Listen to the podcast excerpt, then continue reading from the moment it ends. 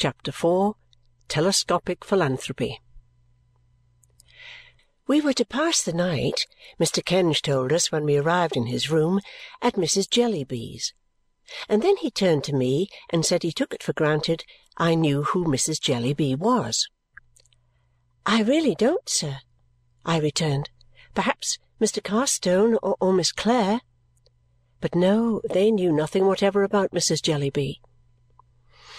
"Indeed, Mrs. Jellyby," said Mr. Kenge, standing with his back to the fire and casting his eyes over the dusty hearth rug as if it were Mrs. Jellyby's biography, "is a lady of very remarkable strength of character who devotes herself entirely to the public.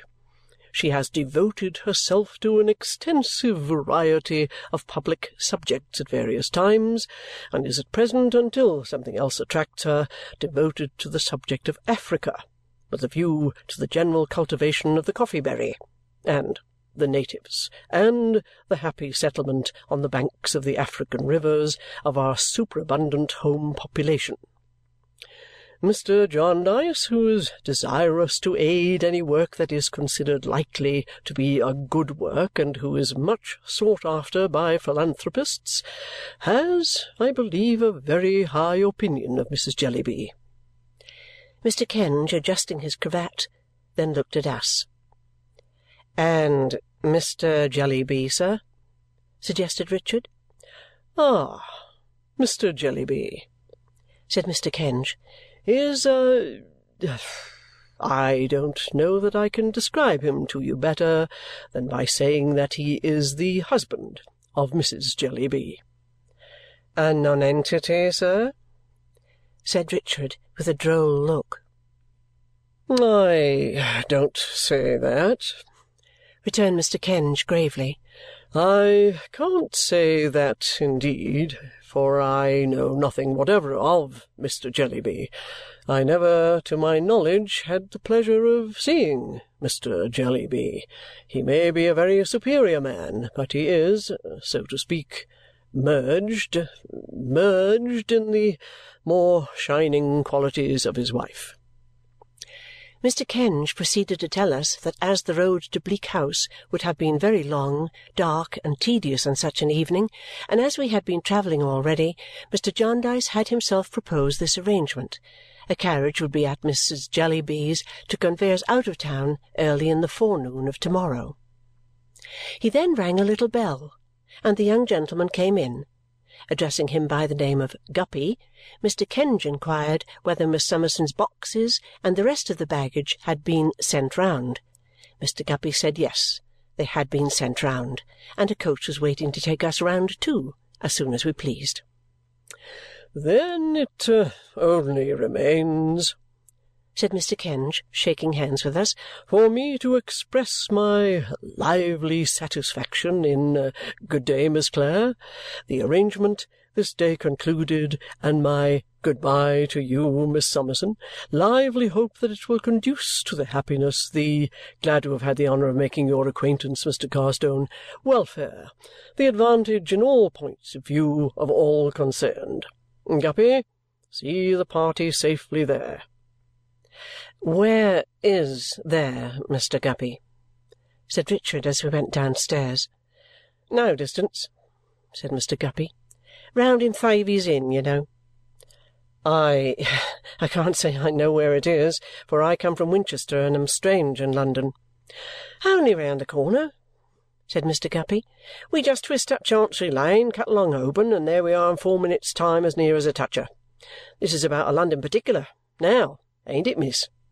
He seemed quite delighted with it on my account. "The fog is very dense indeed," said I. "Not that it affects you, though, I'm sure," said Mr. Guppy, putting up the steps. "On the contrary, seems to do you good, miss, judging from your appearance." I knew he meant well in paying me this compliment, so I laughed at myself for blushing at it when he had shut the door and got upon the box and we all three laughed and chatted about our inexperience and the strangeness of London until we turned up under an archway to our destination, a narrow street of high houses like an oblong cistern to hold the fog. There was a confused little crowd of people, principally children, gathered about the house at which we stopped, which had a tarnished brass plate on the door with the inscription Jellyby. "Don't be frightened," said Mr. Guppy, looking in at the coach window. "One of the young Jellybys been and got his head through the area railings." "Oh, poor child!" said I. "Let me out, if you please." "Pray be careful of yourself, miss. The young Jellybys are always up to something," said Mr. Guppy. I made my way to the poor child, who was one of the dirtiest little unfortunates I ever saw, and found him very hot and frightened and crying loudly, fixed by the neck between two iron railings, while a milkman and a beadle, with the kindest intentions possible, were endeavouring to drag him back by the legs, under a general impression that his skull was compressible by those means. As I found, after pacifying him, that he was a little boy with a naturally large head, I thought that perhaps where his head could go, his body could follow, and mentioned that the best mode of extrication might be to push him forward. This was so favourably received by the milkman and beadle that he would immediately have been pushed into the area if I had not held his pinafore, while Richard and Mr. Guppy ran down through the kitchen to catch him when he should be released. At last he was happily got down without any accident, and then he began to beat Mr. Guppy with a hoop-stick in quite a frantic manner. Nobody had appeared belonging to the house except a person in pattens who had been poking at the child from below with a broom. I don't know with what object. I don't think she did.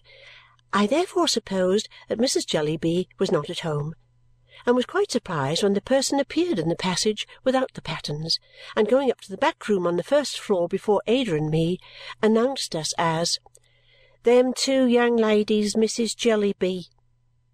We passed several more children on the way up, whom it was difficult to avoid treading on in the dark, and as we came into Mrs. Jellyby's presence, one of the poor little things fell downstairs, down a whole flight, as it sounded to me, with a great noise. Mrs. Jellyby, whose face reflected none of the uneasiness which we could not help showing in our own faces as the dear child's head recorded its passage with a bump on every stair, Richard afterwards said he counted seven, besides one for the landing, received us with perfect equanimity. She was a pretty, very diminutive, plump woman of from forty to fifty, with handsome eyes, though they had a curious habit of seeming to look a long way off as if I am quoting Richard again they could see nothing nearer than Africa. "I am very glad indeed," said Mrs. Jellyby in an agreeable voice, "to have the pleasure of receiving you. I have a great respect for Mr. Jarndyce, and no one in whom he is interested can be an object of indifference to me." We expressed our acknowledgments and sat down behind the door, where there was a lame invalid of a sofa Mrs. Jellyby had very good hair but was too much occupied with her African duties to brush it. The shawl in which she had been loosely muffled dropped on to her chair when she advanced to us, and as she turned to resume her seat we could not help noticing that her dress didn't nearly meet up the back and that the open space was railed across with the lattice work of stay-lace, like a summer-house. The room, which was strewn with papers and nearly filled by a great writing table covered with similar litter, was, I must say, not only very untidy, but very dirty. We were obliged to take notice of that with our sense of sight, even while, with our sense of hearing, we followed the poor child who had tumbled downstairs, I think into the back kitchen, where somebody seemed to stifle him. But what principally struck us was a jaded and unhealthy-looking though by no means plain girl at the writing-table who sat biting the feather of her pen and staring at us. I suppose nobody ever was in such a state of ink. And from her tumbled hair to her pretty feet, which were disfigured with frayed and broken satin slippers trodden down at heel, she really seemed to have no article of dress upon her, from a pin upwards, that was in its proper condition or its right place. "You find me, my dears," said Mrs. Jellyby, snuffing the two great office candles in tin candlesticks, which made the room taste strongly of hot tallow. The fire had gone out, and there was nothing in the grate but ashes, a bundle of wood, and a poker. "You find me, my dears, as usual, very busy. But that you will excuse. The African project at present employs my whole time. It involves me in correspondence with public bodies and with private individuals anxious for the welfare of their species all over the country. I am happy to say it is advancing. We hope by this time next year to have from a hundred and fifty to two hundred healthy families cultivating coffee and educating the natives of Borrioboola on the left bank of the Niger. As Ada said nothing but looked at me, I said it must be very gratifying. "It is gratifying," said Mrs. Jellyby. "It involves the devotion of all my energies, such as they are, but that is nothing, so that it succeeds, and I am more confident of success every day. Do you know, Miss Summerson, I almost wonder that YOU never turned your thoughts to Africa!" This application of the subject was really so unexpected to me that I was quite at a loss how to receive it. I hinted that the climate "The finest climate in the world," said Mrs. Jellyby. "Indeed, ma'am?" "Certainly. With precaution," said Mrs. Jellyby. "You may go into Holborn without precaution and be run over. You may go into Holborn with precaution and never be run over. Just so with Africa. I said, "No doubt." I meant as to Holborn.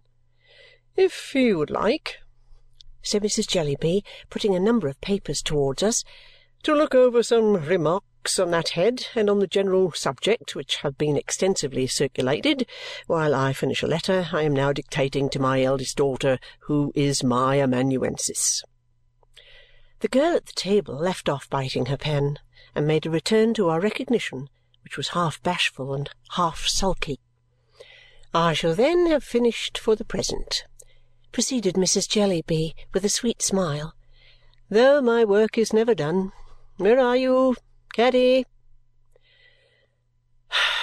"Presents her compliments to Mr. Swallow and begs," said Caddy. "And begs," said Mrs. Jellyby, dictating to inform him, in reference to his letter of inquiry on the African project. No, Peepy, not on my account. Peepy, so self-named, was the unfortunate child who had fallen downstairs, who now interrupted the correspondence by presenting himself with a strip of plaster on his forehead to exhibit his wounded knees, in which Ada and I did not know which to pity most, the bruises or the dirt. Mrs. Jellyby merely added, with the serene composure with which she said everything, "Go along, you naughty Peepy!" and fixed her fine eyes on Africa again. However, as she at once proceeded with her dictation, and as I interrupted nothing by doing it, I ventured quietly to stop poor Peepy as he was going out and to take him up to nurse. He looked very much astonished at it and at Ada's kissing him but soon fell fast asleep in my arms, sobbing at longer and longer intervals until he was quiet. I was so occupied with Peepy that I lost the letter in detail, though I derived such a general impression from it of the momentous importance of Africa and the utter insignificance of all other places and things that I felt quite ashamed to have thought so little about it. "Six o'clock," said Mrs. Jellyby and our dinner hour is nominally, for we dine at all hours, five. Uh, Caddy, show Miss Clare and Miss Summerson their rooms. You will like to make some change, perhaps. You will excuse me, I know, being so much occupied. Oh, that very bad child! Pray put him down, Miss Summerson." I begged permission to retain him, truly saying that he was not at all troublesome, and carried him upstairs and laid him on my bed. Ada and I had two upper rooms with the door of communication between them. They were excessively bare and disorderly, and the curtain to my window was fastened up with a fork. "You would like some hot water, wouldn't you?" Said Miss Jellyby, looking round for a jug with a handle to it, but looking in vain. "If it is not being troublesome," said we. "Oh, it's not the trouble," returned Miss Jellyby. "The question is if there is any.